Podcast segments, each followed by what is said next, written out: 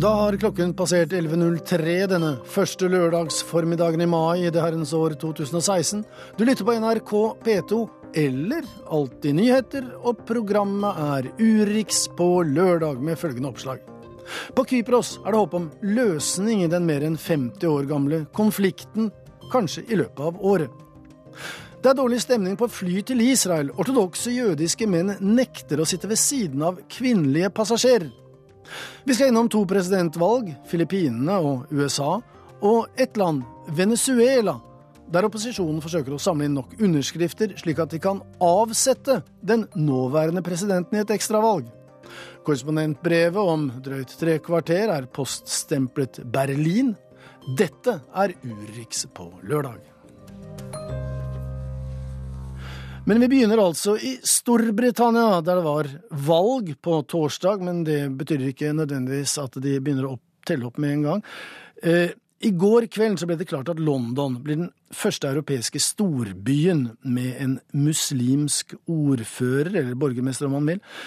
Og Espen Aas, eh, NRKs korrespondent i London, dette er jo åpenbart et journalistisk poeng, men han ble vel kanskje først og fremst valgt fordi han er en britisk født londoner, han er en velutdannet jurist, og så er han en erfaren Labour-politiker.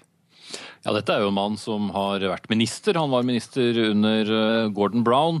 Og hans eh, skal vi si, religiøse opphav, eller religiøse ståsted, har folk vært veldig lite opptatt av.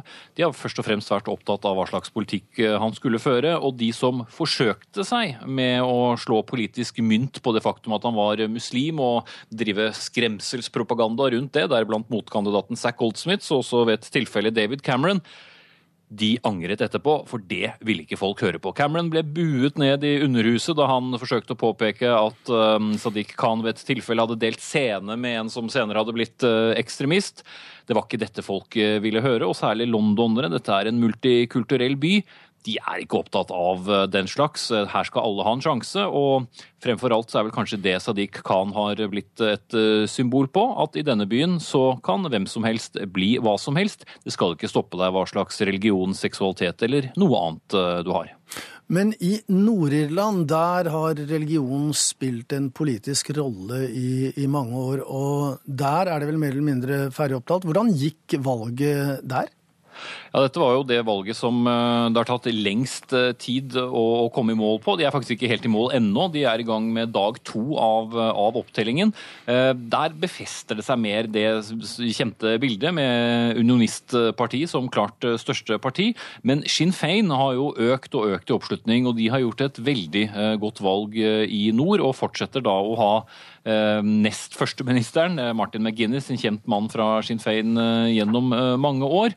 Ehm, mens et lite listeparti som, eh, som er anti, ehm, anti-fattigdom, anti-budsjettinnsparinger, har også klart å, å, slå seg opp. Et parti som også er representert sør for grensen i republikken eh, Irland, og som har hatt en viss appell til folk der.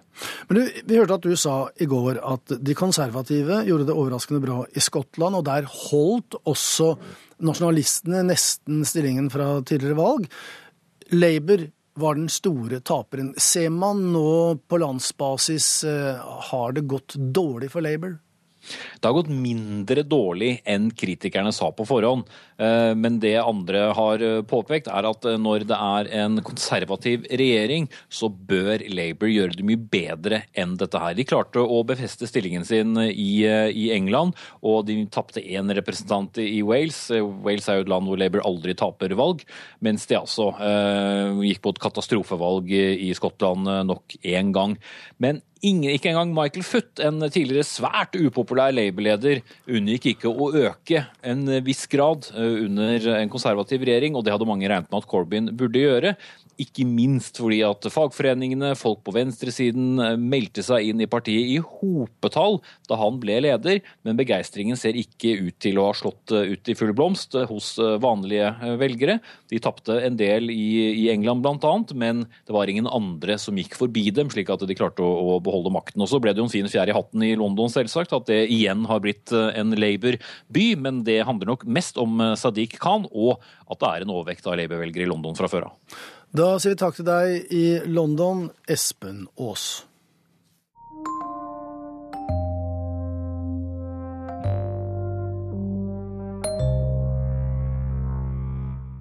Vi skal til en annen europeisk øy, hvor de også er delte i sine politiske standpunkter. Kypros, som har vært delt i over 40 år. Men nå sier ledere på begge sider at en avtale for gjenforening bør komme.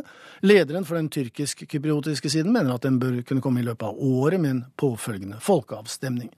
Vår Midtøsten-korrespondent Sigurd Falkenberg Mikkelsen har besøkt Kypros sammen med andre Norges utenriksminister very historical and typical church. And then we'll go to a traditional Cypriot uh, coffee place where you will try our ah. delicacies. Oh, okay? oh yeah, yeah. I, okay, sir. we always need a bit of coffee in the morning. Utenriksminister Børge Brende blir guidet rundt i gamlebyen på den gresk-kypriotiske siden av Nikosia. Han er den første norske utenriksministeren i manns minne som besøker den delte hovedstaden på Kypros. Øya ble delt etter krigen i 1974. I nord står tyrkisk-kypriotene, i stør står gresk-kypriotene. Det er de som styrer den internasjonalt anerkjente staten, som også er EU-medlem. Det er jo eh, en eh, rar følelse faktisk i det 21. århundret at en øy er eh, delt, og at du har eh, disse eh. Så det viser jo også viktigheten av å finne en fredelig utgang Eh, og kunne få en gjenforening eh, på Kypros. Brende traff ledere på begge sider av konflikten under sitt besøk på Middelhavsøya i går. De uttrykte alle ønske og tro om at det er mulig å få til en løsning på konflikten og en gjenforening av øya. I have expressed to the minister earlier on my optimism. I think that we have arrived to such a point in the negotiations that it's difficult to go back. Uh, there is no way out. Um, jeg har uttrykt min optimisme. Jeg tror vi er kommet til et punkt i forhandlingene hvor det er vanskelig å gå tilbake. Det er ingen vei ut av dette. Men det er to veldig viktige tema som ikke har blitt behandlet ennå. Territorium og sikkerhet. Jeg håper det ikke vil velte forhandlingene, sier den gresk-kypriotiske utenriksministeren Ioannis Kasolides til NRK.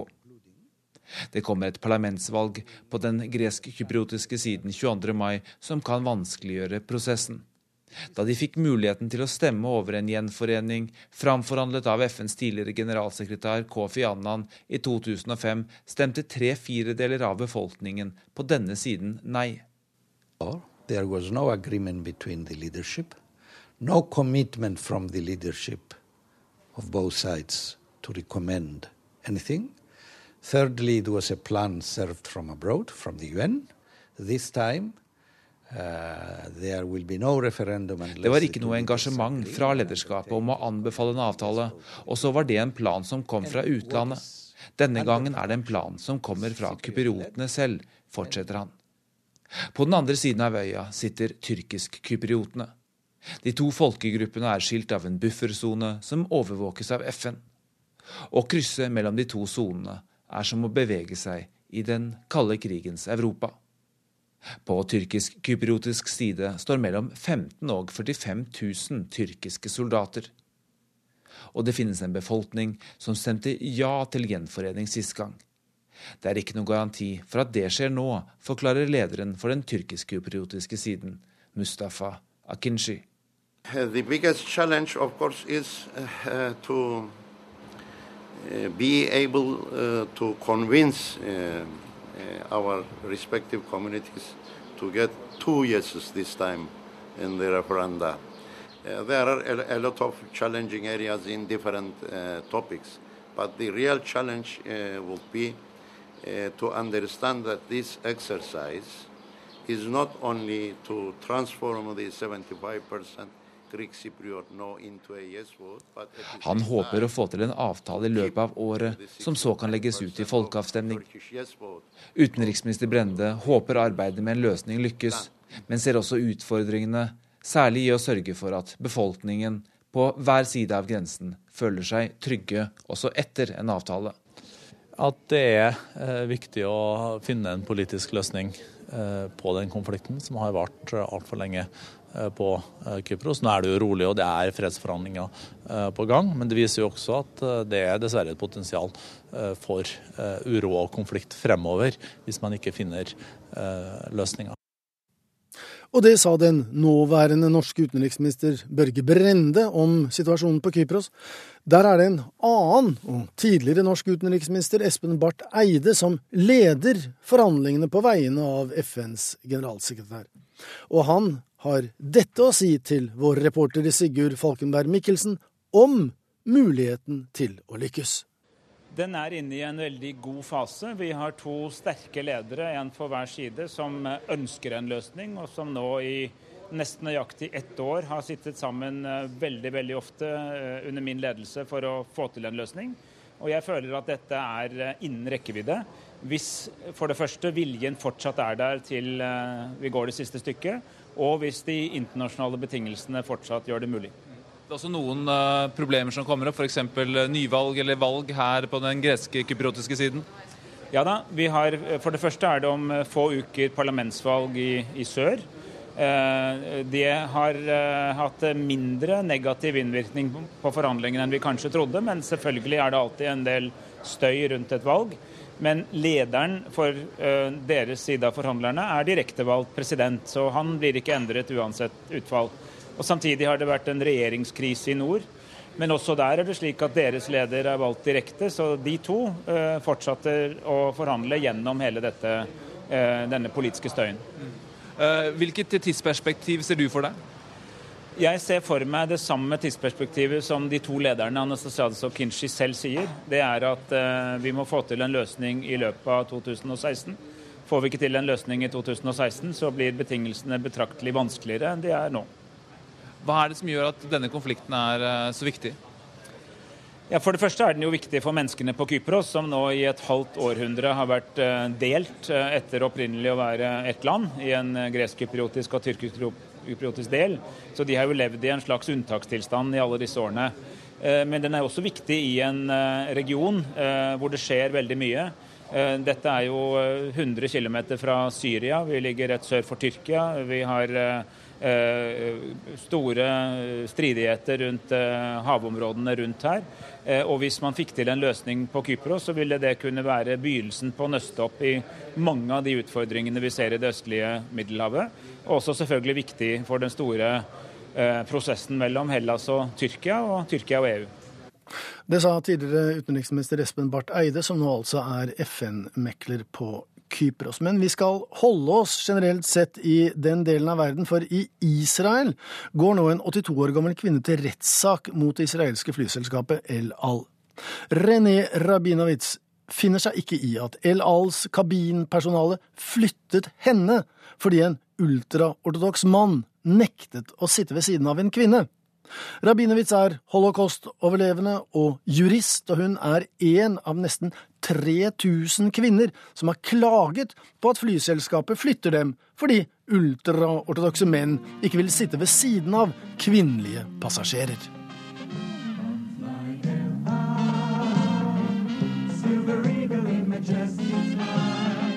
Fly El Al synger de i det israelske flyselskapets egen sang. Men om bord i flyene er det slett ikke alltid like god stemning. For stadig oftere nekter ultraortodokse menn å sitte ved siden av kvinnelige passasjerer. Og om kvinnen ikke flytter seg, nekter mannen å sette seg ned i setet sitt. Og det igjen fører til at flyet ikke kan ta av til rett tid, og dermed blir forsinket. Den 82 år gamle advokaten René Rabinovic er en av flere tusen kvinner som har opplevd følgende. I september i fjor satte hun seg godt til rette i et sete ved midtgangen på business class. Hun skulle fly El Al fra New York til Tel Aviv.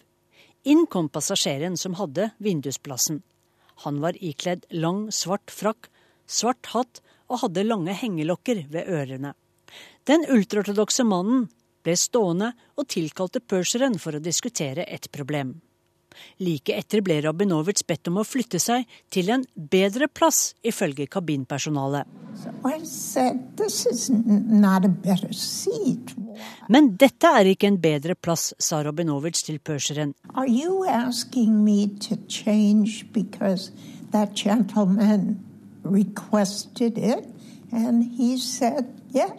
Hun spurte ham om den ultraortodokse mannen hadde krevd at hun ble flyttet. Ja, svarte perseren.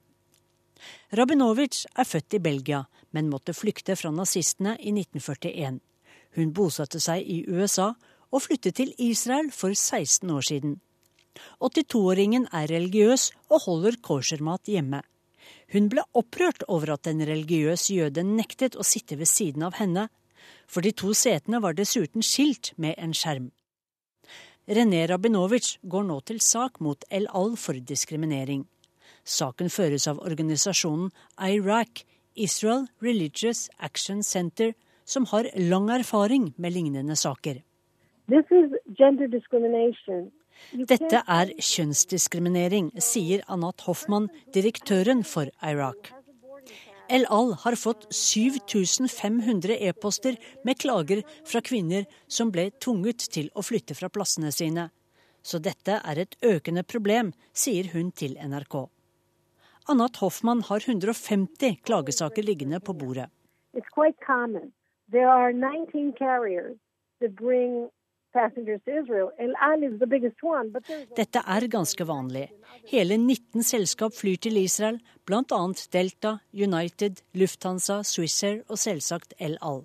Og vi hører det samme fra alle flyselskapene.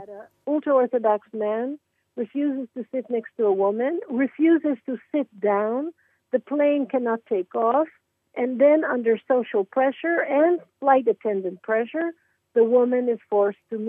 Menn nekter å sitte ved siden av en kvinne. De nekter å sette seg, de blir stående i midtgangen, flyet kan ikke ta av, de andre passasjerene blir utålmodige, og dermed tvinges den kvinnelige passasjeren til å flytte seg, sier Hoffmann til NRK. Flyselskapene tilbyr ofte kvinnene penger for å bytte plass, men for de fleste er dette ydmykende og diskriminerende. Ifølge den ultraortodokse versjonen av jødedommen kan ikke menn sitte i nærheten av kvinner de ikke er i nær slekt med. Hoffmann, som jobber for likestilling innenfor religionen, fnyser av dette. Illegal, unethical, dette er ulovlig, det er uetisk, det er ikke i tråd med jødiske verdier, og det er urettferdig, sier hun. I dag teller Israels ultraortodokse nesten 10% av den jødiske befolkningen i landet. Denne svært religiøse gruppen er i rask vekst ettersom familiene i gjennomsnitt får åtte barn. De er også blitt en sterk voksende passasjergruppe, og er viktig for business for El Al og andre flyselskap som serverer koshermat. El Al er siste skanse for den kjente og drevne aktivisten Anat Hoffmann. For rettssaken vil tvinge det israelske flyselskapet til å ta et standpunkt. We won uh, against the bus companies of Israel on the issue of segregation on buses. Vi vant over busselskapene som tillot kjønnssegregerte busser, der kvinnene måtte sitte bak og de ultraortodokse mennene foran. Vi vant over en radiostasjon som ikke tillot kvinner å snakke på lufta, og vi vant over flere kommuner som ikke ville la kvinner synge offentlig. Så denne praksisen med kjønnssegregering er på vei ut i Israel, sier direktøren for Israel Religious Action Center. El Al på sin side sier at selskapet ikke diskriminerer noen, at Rabinovic ikke ble behandlet annerledes fordi hun var kvinne, og at hun ikke ble tvunget til å flytte seg. Some people are saying that I sued for the money. That's not it. Noen tror at jeg går til sak for pengenes skyld, men det er feil. I have to correct a wrong. Jeg vil korrigere noe som er galt, sier René Rabinovic til TV-stasjonen France 24.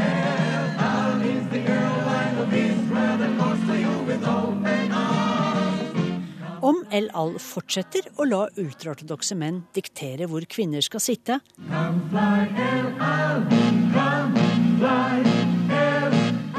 Er det kanskje ikke så forlokkende å fly El Al som det høres ut i denne sangen? Og det var Sissel Wold som rapporterte om hvor vanskelig livet kan være om bord i et fly.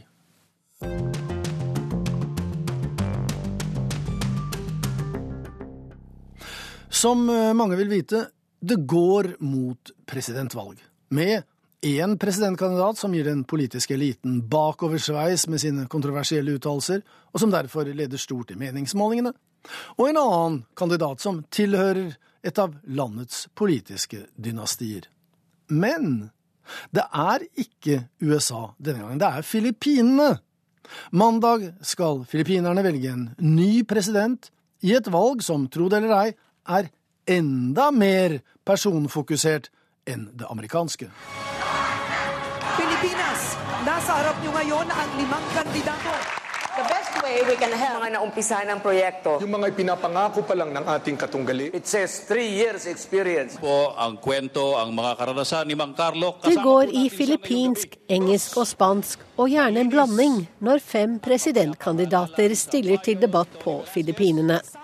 Men så snakkes det også i overkant av 100 språk i øynasjonen som har vært både spansk og amerikansk koloni. Benigno Aquino den tredje, sønnen til tidligere president Corazon Aquino, er snart ferdig med sin tredje presidentperiode, og hans etterfølger skal velges. Fattigdomsbekjempelse, korrupsjon, helse, ekstremistgruppen Abu Sayyaf og Kinas muskelbruk i Sør-Kina-havet har vært temaene i tre debatter i regi av landets offisielle valgkommisjon. Et forsøk på voksenopplæring av filippinske velgere, ifølge Reuters, for å få dem til å stemme på politikk og ikke bare person. Skal vi tro meningsmålingene, kommer en kandidat som går Donald Trump en høy gang i kontroversielle uttalelser, til å vinne. I will eradicate corruption, criminality and drugs. Jeg skal utrydde korrupsjon, kriminalitet og narkotika innen seks måneder, sier Rodrigo Duterte. If I become the president, I will order the military and the police to hunt down the drug lords, the big ones, and kill them. Som president vil jeg beordre militæret og politiet til å jakte på narkobaronene og drepe dem. Han har en røff tone, den 71 år gamle ordføreren, som ser ut til å bli Filippinenes neste president. Han har lovet å drepe titusener av kriminelle, og så benåde seg selv for massedrap. Han banner mye, og takker Viagra for at han kan skryte av sine mange kvinnehistorier. Han truer med å stenge Kongressen hvis ikke lovgiverne følger hans ordre, og han har i det sterkt katolske Filippinene kritisert selveste paven. Med sine sjokkerende uttalelser og overraskende høy oppslutning er det lett å se hvorfor han sammenlignes med Donald Trump. Likevel var det mange som mente at Rodrigo Duterte gikk vel langt da han fleipet om en australsk misjonær som ble voldtatt og drept under et fengselsopprør i byen hans i 1989. Parang, si, mas, parang artista sa Amerika na maganda. Ina, kasayang nito. Hun så ut som en amerikansk artist. Det var så bortkastet, sa han. Hva som gikk gjennom hodet mitt da fangene stilte seg i kø og voldtok henne? Jeg ble sint fordi hun ble voldtatt, blant annet det. Men hun var vakker, og ordføreren burde ha vært den første, lo han.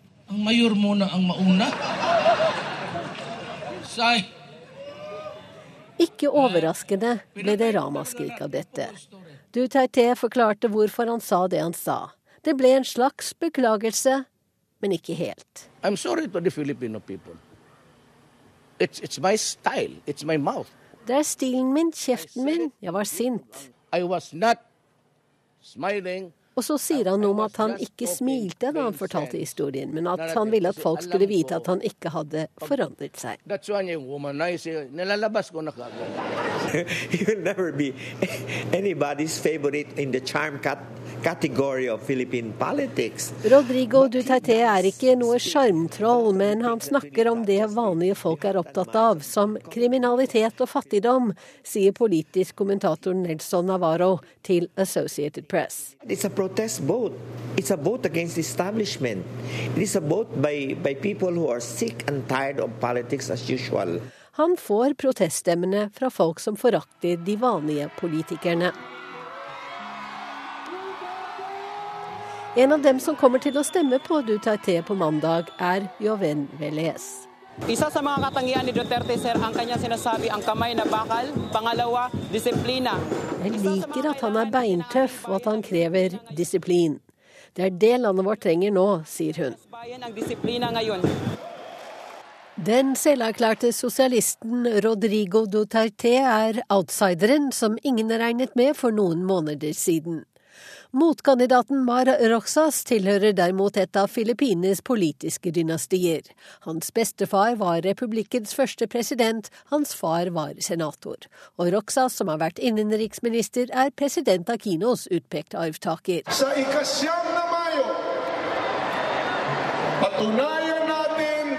Sa Den 9. mai må vi vise hele landet at det fortsatt finnes mange fornuftige, anstendige og ærlige filippinere.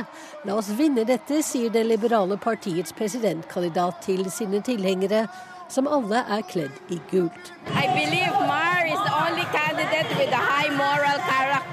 Mar Roxas er den eneste kandidaten med høy moral, sier Emil Puno. Men Roxas ligger rundt 11% bak Duterte på meningsmålingene. Trolig fordi han er den politiske elitens kandidat. Mye av spenningen i valgkampen har vært knyttet til senator Grace Poe, som bare har vært aktiv politiker i tre år. Hun lover å kutte skattene, bekjempe kriminalitet og tilby gratis utdanning fra førskole til universitetsnivå. Men det er Poes private historie som har løftet henne spesielt i valgkampen. Som nyfødt ble hun forlatt på kirketrappa og adoptert av et berømt filmstjernepar. Hennes far tapte presidentvalget i 2004 og døde kort tid etter. Hun vil nå bære hans kamp for de fattige videre. Vi har det samme forholdet til henne som vi hadde til faren hennes, sier Domingo Lacamada. De er gode mennesker. Men det er altså Rodrigo Duterte som ligger an til å vinne mandagens valg. Fredag benektet Grace Poe at hun har tenkt å trekke seg fra presidentvalget. Men hun vurderer et samarbeid med Mar Roxas for å stanse han som omtales som Filippinenes Donald Trump. Wenche Eriksen orienterte om valget på Filippinene, og nå er vi da kommet frem til eh, Donald Trump. For nå skal det dreie seg om det amerikanske presidentvalget, som riktignok da ikke avholdes før om et halvt år. Men eh, vi skal i denne omgang flytte oss noen sjømil østover fra Filippinene, for i dag har demokratene, altså ikke republikanerne med Trump, men demokratene holder primærvalg på Guam. Ja, på Guam. Og de som ikke skjønner hva Guam har med amerikanske presidentvalg å gjøre, de må følge med nå. Welcome to Guam, where America's day begins. Ingen steder i USA begynner dagen tidligere enn for de 160 000 innbyggerne på Guam. 15 timer foran Washington DC, og for den saks skyld nå på sommeren 8 timer foran Oslo. Det romantiske og eksotiske sydhavsparadiset ligger i Mikronesia og er en del av Marianerøyene, vest for Hawaii, øst for Filippinene og sør for Japan. Its location makes it a natural gateway to Asia, America, Australia, and the rest of the Pacific Islands. De som fødes der, blir automatisk amerikanske statsborgere, selv om det er nesten 13 000 km til landets hovedstad. Guam er et amerikansk territorium. USA har fem slike, med litt forskjellig status. I tillegg til Guam, Puerto Rico, de nordlige Marianerøyene, amerikansk Samoa og de amerikanske Jomfruøyene. Problemet for innbyggerne på lille Guam Lille for øya er i utstrekning og størrelse en fjerdedel av Vestfold fylke. Det er at deres status som amerikanske statsborgere gir dem rett til å delta i nominasjonsvalg, som for enkelte av dem i dag, men ikke i selve presidentvalget. For i nominasjonsvalgene bestemmer partiene hvem som skal få delta, men i selve presidentvalget bestemmer de føderale myndighetene. We may not be able to vote for the President of the United States, but Guam does play a role in who gets their party's nomination, and this weekend Island Democrats will take a vote. Guam ble oppdaget tidlig, allerede i 1521, av portugiseren Ferdinand Magellan på den første jordomseilingen, som var et oppdrag for spanskekongen. Øya ble da også etter hvert spansk, Men Spania måtte avstå Guam til amerikanerne i 1898 etter den spansk-amerikanske krigen. Som fremskutt amerikansk besittelse var den en viktig, men sårbar utpost. I 1941 invaderte japanerne Guam, samtidig med at de angrep Pearl Harbor. It is the first American territory to fall to the Japanese in World War II. Amerikanerne gjenerobret øya i et langvarig og blodig slag i 1944. The battle for Guam. En litt tragikomisk vri på de forferdelige ukene sommeren 44 er at den japanske soldaten Shoichi Yokoi ikke overga seg før i januar 1972, altså nesten 28 år etter at kamphandlingene og for den saks skyld krigen var slutt. Han hadde gjemt seg og levde i Guams frodige jungel. Japanske soldater hadde avgitt et løfte til keiseren om ikke å overgi seg, og man bryter ikke et løfte til keiseren. Sergeant Soichi Yokoi of the Japanese Imperial Army was an intensely loyal person to his emperor. Guam er et stillehavsparadis, slik vi gjerne forestiller oss det, med strender og palmer, deilig klima og irrgrønt vann som innbyr til bading, surfing og dykking. Så er det også turisme den viktigste sivile næringsveien på øya, med sine gigantiske hoteller og såkalte resorts, med shoppingmalls og golfbaner, i tillegg til alt Guam har fått fra naturens side. Amerikas best bevarte hemmelighet, ifølge turistmyndighetene. Adios. Till we see you in Guam, America's paradise and best kept secret. Rent politisk er Guam selvstyrt i lokalpolitikken, men underlagt Washington i større nasjonale og internasjonale spørsmål. Men siden Guam ikke er en stat, så har det ingen innflytelse i Kongressen. Siden 1973 har de riktignok sendt en representant til Capitol Hill. Vedkommende har tale- og forslagsrett i Representantenes hus, men altså ikke stemmerett. This is Madeline Bordallo, and I approve this message. De siste 14 årene har representanten vært den snart 83 år gamle Madeleine Bordallo. Hun har aldri levnet noen som helst tvil om hvor hun står i dagens allmøte, altså caucus, for demokratene. Naturally, I hope that a woman will break the glass ceiling and we will one day have a woman president of the United States.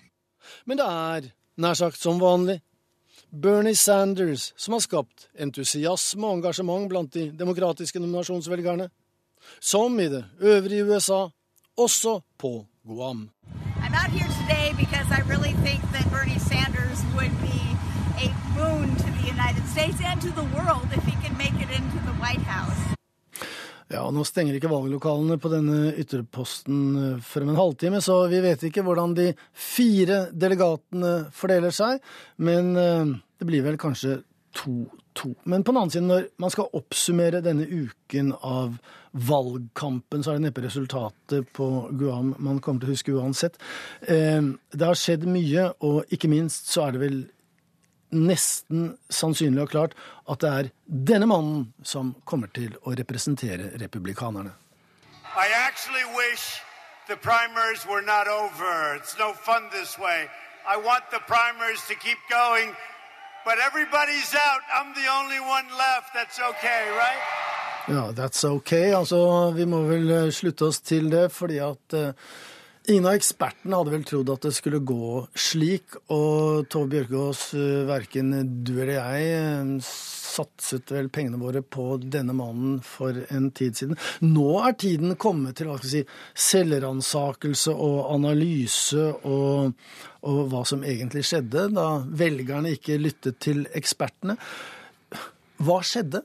Ja, det kan du si. Eh, Jeg tror noe av det som skjedde, var at ekspertene, og også ekspertene i media, som mente at denne mannen ikke kunne bli eh, kandidaten, at de bygget han så til de grader opp. Og det er en av grunnene til at det nettopp nå er Donald Trump som blir den republikanske kandidaten, høyst sannsynlig. Hvis du ser på mediedekningen av eh, Trump i forhold til de andre kandidatene på republikansk side Allerede i desember i fjor så hadde han altså 25 ganger mer mediedekning enn alle de andre 16 kandidatene kombinert. Så han har vært flink, da, faktisk? Han har vært vanvittig flink. Han har drevet en utrolig billig og imponerende effektiv eh, valgkamp, hvor han har brukt altså, mediene og dem, tvinnet dem rundt lillefingeren hele veien, eh, og fått altså, en helt enorm eh, dekning. Som nå selvransakelsens tid har kommet for. I tillegg, og veldig mange i USA mener nå at, at, at mediene har gitt ham altfor easy ride her. Og at det er en av grunnene til at han står igjen. Men på den annen side, må ikke også da de etablerte, altså politikerne, også gå i seg selv? Altså, de får de, USA får den presidentkandidaten de fortjener, så å si. og Velgerne har jo da valgt vekk de alle ekspertene egentlig trodde på. sånn at eh, det er jo ikke bare den dyktige Trump. Det må ha være noen som har snubla og gjort noe feil? Absolutt. og alle de, altså Man snakket om det sterkeste feltet på mange tiår. At denne gangen skulle alle stille opp, og det skulle være utrolig valg på øverste hylle blant republikanerne. Men ingen av de andre har altså klart å engasjere velgerne. og Det handler jo også om at partiet har mistet kontakten med med velgerbasen sin, med, med, grasrota, fordi de føler at de ikke lenger representerer dem, disse f.eks. Jeb Bush. Eh, og, og, at, og, at, de derfor har, det er et protestvalg, og at partiet er i krise. Ja, altså Nå har jo Jeb Bush også sagt at han eh, finner ikke tiden moden til, å, til å, å, støtte denne mannen. Og den kanskje mektigste republikaneren eh, i dag, altså Paul Ryan, han uttalte seg også om eh, nå den sannsynlige kandidaten denne uken. Now you have a presumptive nominee, Donald Trump. Will you support him?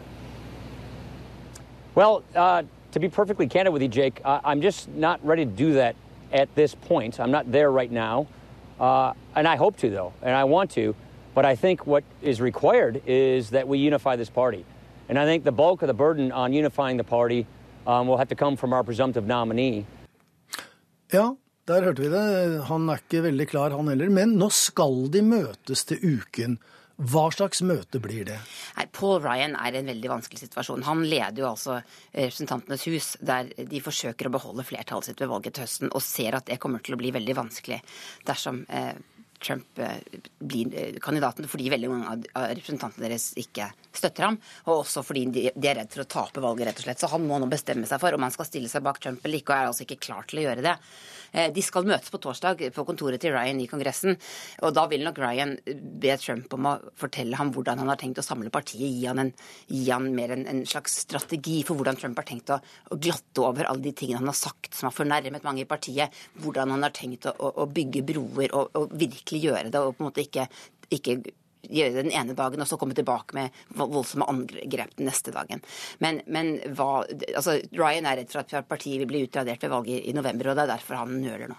Men eh, kandidaten skal jo krones på landsmøtet. Slik det ser ut nå, så kan det bli en kroningsseremoni med en nokså flau bismak? Absolutt, og det er veldig vanskelig å se for seg hvordan dette kommer til å utarte seg framover. For den, eh, det landsmøtet, det er jo det er på en måte man bygger da opp gjennom uka hvor kjente størrelser snakker opp kandidaten til partiet. Og hvis disse størrelsene, f.eks. Paul Ryan, ikke har tenkt å støtte Trump, hvordan vil det da se ut? Hvem er det som egentlig skal støtte ham? Så langt er det bare noen svært få som har gått ut og sagt at de offisielt støtter ham, f.eks. Chris Christie, som var en av kandidatene. Eh, mens veldig mange andre fortsatt sitter på, eh, på gjerdet. Og en, en, en person som f.eks. Mitt Romney sier at han ikke kommer til landsmøtet i det hele tatt. Hele Bush-familien har sagt at de vil ikke støtte, støtte, Trump, og det er altså den siste presidenten fra partiet. Så, så, det er vanskelig å se for seg nå hvordan dette kommer til å bli. Jeg tror det kommer til å bli helt annerledes enn det vi er vant til, og det blir veldig spennende å følge med på, på, på det som skal skje i månedene framover nå. Og i månedene framover, da kommer vi til å høre mye mer fra deg, Tove Bjørgaas, eh, NRK-korrespondent i Washington. Nå denne lørdag formiddagen i studio her på Marienlyst.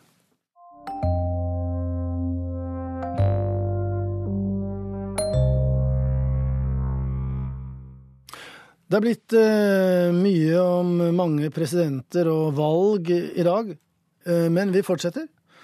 Venezuela denne gangen, der krever opposisjonen nyvalg etter at nærmere to millioner mennesker har skrevet under på et krav om dette, og situasjonen i Venezuela er dramatisk, med akutt varemangel, energikrise og hyperinflasjon. Men president Nicolas Modoro fra Sosialistpartiet sier at han blir sittende ut valgperioden, i hvert fall til 2018. Arnt Stefansen er vår reporter i Latin-Amerika.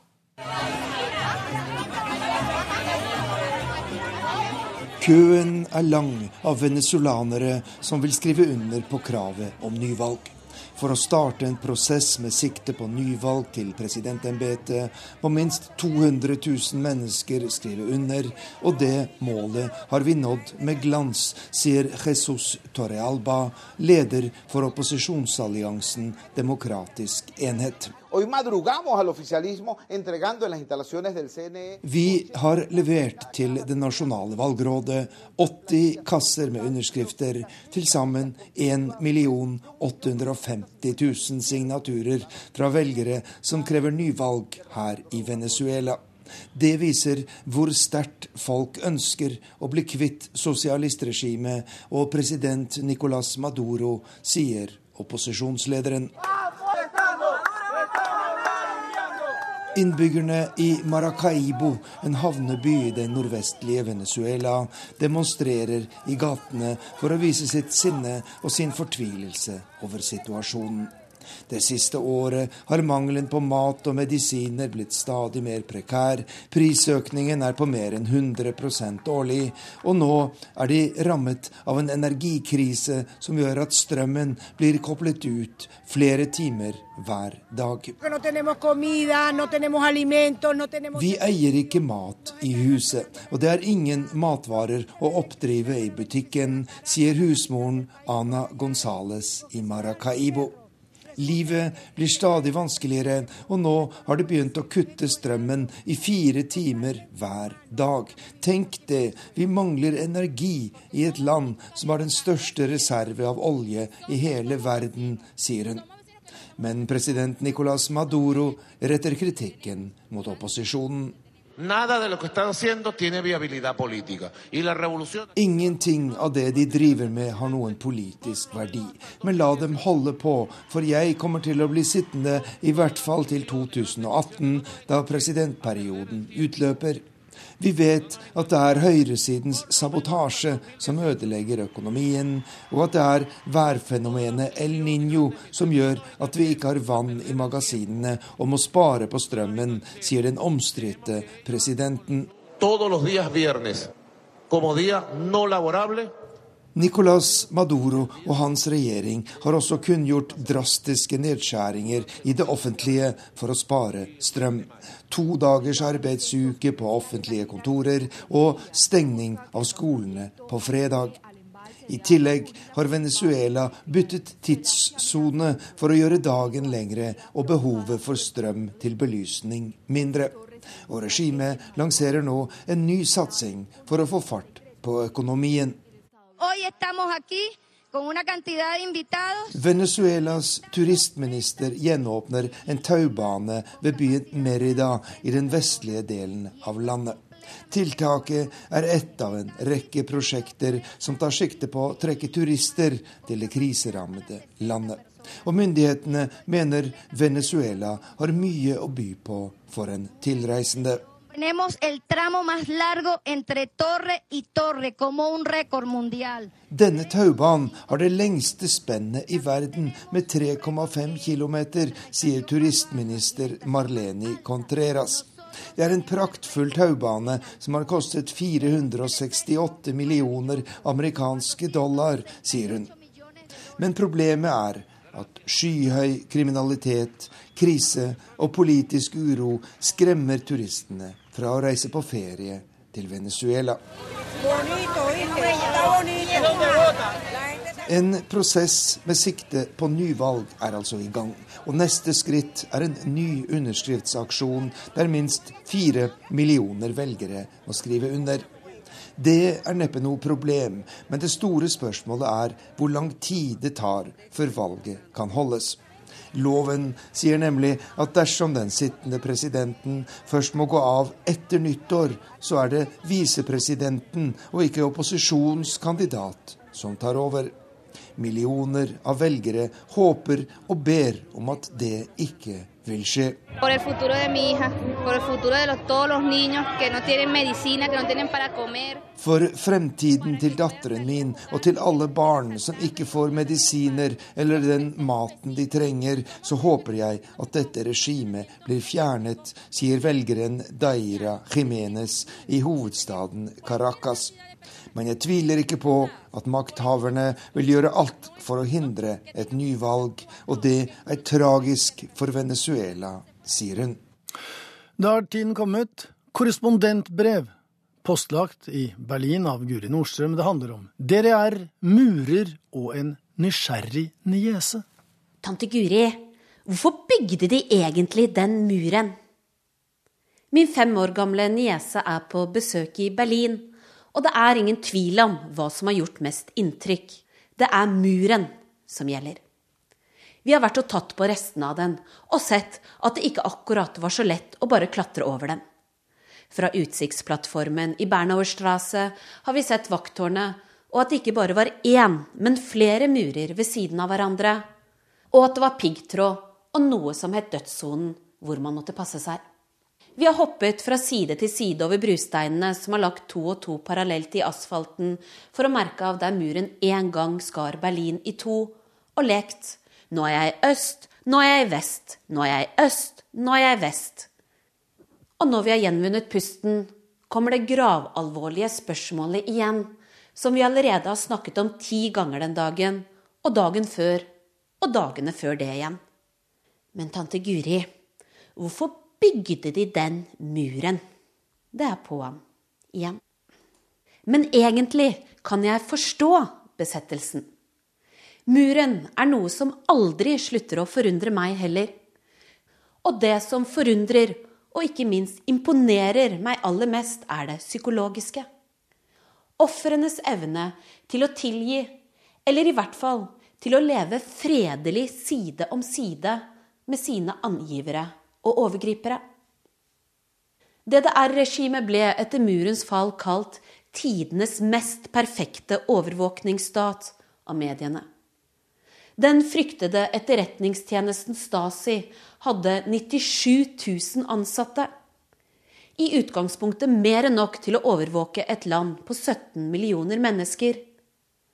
Men i tillegg til de 97 000 i uniform, hadde de også 600 000 såkalte IM-er, inoffisielle midtarbeideren, uoffisielle medarbeidere, som fungerte som angivere. I andre overvåkningsstater vi kjenner, som Hitlers tredje rike, regnet man med én Gestapo-agent per 2000 innbyggere. I Stalins Sovjetunionen var det én KGB-agent for hver 5830. innbygger. I DDR-regimet, derimot, hadde man med offisielt ansatte, uoffisielt ansatte og deltidsinformanter nesten én informant per sjette borger, forteller Anna Funder i boka Stasiland. Og Stasi var besatt av detaljer om sine landsmenn og landskvinner. Hvis arkivmaterialet deres hadde blitt lagt etter hverandre, ville det dannet en rekke som var 180 km lang. Etter murens fall har arkivet blitt åpnet, og tyskerne har stått i kø for å lese om sine liv. Ei venninne fortalte meg at da moren hennes fikk se sin mappe, fant hun ut at det var hennes aller nærmeste venninne som i flere år hadde gitt Etterretningstjenesten opplysningene om henne. Og moras forbrytelse? Hun hadde på 70-tallet forelsket seg i en italiener som var på studieutveksling i Vest-Berlin, og som hadde tatt turen over til Øst-Berlin for å handle billige klær. Da Stasi fant ut om forholdet, mistet hun plutselig jobben på universitetet. Og plutselig ble dagliglivet fullt av hindringer som hun ikke fikk noen forklaring på. Til slutt klarte hun å rømme over til Vest-Berlin. Først sittende bakpå motorsykkelen til broren sin, som slapp henne av i et skogholt midt på natta. Deretter la hun seg i bagasjerommet på bilen til sin store kjærlighet, og Anna og broren hennes kom senere til verden i Spandau. Siden Vest-Berlin lå som en øy i DDR, måtte de gjennom hele 80-tallet kjøre gjennom Øst-Tyskland for å komme til farens Italia om sommeren. Da foreldrene fikk se mappene sine etter murens fall, fant de også ut at det i alle år hadde vært arrestordre på faren. Han kunne altså når som helst ha blitt arrestert på deres årlige ferieturer. Anna husker vagt en episode hvor hun og broren slumret i baksetet etter den lange bilturen sørfra, og at hun våknet av noen hissige diskusjoner under en grensepassering. Men at de til slutt fikk kjøre, og at foreldrene klemte hverandre lenge like etterpå. Først som voksen har hun forstått hvor nær de var å få snudd hele livet på hodet akkurat der. Men hvordan forhold har mora di til bestevenninna si nå? spør jeg. Hm, de er vel ikke akkurat eh, bestevenninner lenger. Men mora mi fikk jo tross alt et godt liv. Det er det hun fokuserer på, forteller Anna. Like forundret og ikke minst imponert blir jeg når jeg møter Mike, som nå jobber som omviser i torturfengselet han tidligere satt i, i Hohenschönhausen i gamle Øst-Berlin. Hans forbrytelse? Han havnet i klammeri med en av gutta i klassen som hadde prøvd seg på ei klassevenninne som ikke var interessert. Den gutten var sønnen til en Stasi-offiser. Til sammen ble seks år av ungdommen kastet bort i ulike østtyske fengsler. Hohenschönhausen var ett av de verste. Det var nemlig fengselet som liksom ikke fantes i DDR-regimet. Det var ikke merket av på noe kart, fordi det som skjedde der, ikke passet inn i fortellingen om det kommunistiske paradiset. Og siden fengselet var hemmelig, måtte også volden være hemmelig. Den skulle sette psykiske, ikke fysiske spor. I Stasi-sjargongen het det tsarsetsung, skriver Astrid Sverresdotter Dypvik i boka Det var det det er fortellinger om et nedlagt land. Ordet Sersetsung var lånt fra naturvitenskapen og betyr nedbryting. En kjemisk oppspalting av molekyler i mindre bestanddeler. Men for Stasi handlet det om å bryte ned mennesket. Mike fant også ut da han fikk se sin mappe, at flere av dem han trodde var gode venner, var de samme som hadde fortalt om ham til Stasi.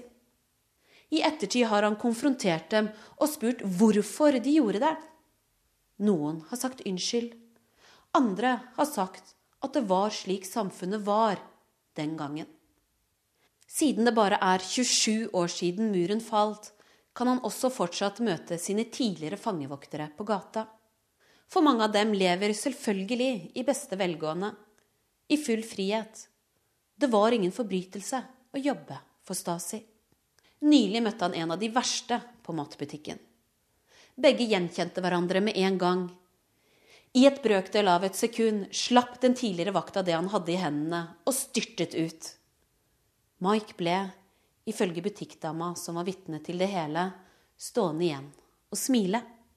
Jeg ville gjerne spørre ham hvorfor han løp.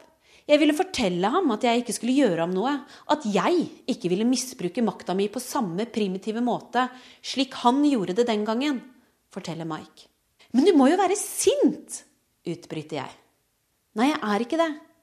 Jeg vet ikke hvorfor, men det at jeg nå jobber som omviser i fengselet jeg en gang satt i, at det er jeg som tidligere fange som nå har nøkkelen og kan fortelle min historie, det har nok virket beroligende. Etter innspillingen av en radio- og TV-debatt om migrantkrisa kom jeg i snakk med to glade pensjonister som har tatt turen inn til Phoenix og Deutschlandfunks studio ved Unter den Linden for å være publikum. Under serveringen etterpå blir vi stående lenge og prate. Jeg forteller om min beundring og forundring over tyskerne og tilgivelse. I andre land kan de i dag fortsatt drepe hverandre for noe som skjedde på 1600-tallet, sier jeg. Mens her går man videre i fred. Ofre og angivere, side om side. Jeg bare fatter det ikke. Han ene forsøker å forklare. Du må forstå, mange ble jo truet til å være angivere. Hvis de f.eks. hadde et barn som trengte sykehusbehandling, da kunne Stasi si at vi ser at du har et barn som trenger hjelp. Det kommer de ikke til å få dersom du ikke jobber for oss. Har du sett filmen De andres liv? Den beskriver det hele ganske bra, sier han. Selv opplevde han aldri noe av dette på kroppen, siden han har bodd i Vest-Tyskland hele livet. Han har også sluppet unna å delta i andre historiske grusomheter. Heldigvis ble jeg født først i 1940. Hadde jeg vært født ti år tidligere, hadde jeg sikkert også vært Hitlerjugend. Det var slik samfunnet var den gangen. Tante Guri, kommer noen til å bygge en mur igjen, tror du? Spør den murbesatte femåringen. Jeg slipper nok ikke unna med å begynne å fortelle henne om murene som nå bygges i dagens Europa. Og jeg tenker at når hun en gang blir voksen og skal fortelle videre det jeg forteller om dagens Europa nå, så vil hun kanskje også måtte forklare det med setningen Det var slik samfunnet var den gangen. Det sa Guri Nordstrøm, og dermed er eh, Urix Bløla slutt for denne gang. Ulf Tannes Fjell, Erik Sandbråten og Joar Hoel Larsen sørget for å få programmet på lufta.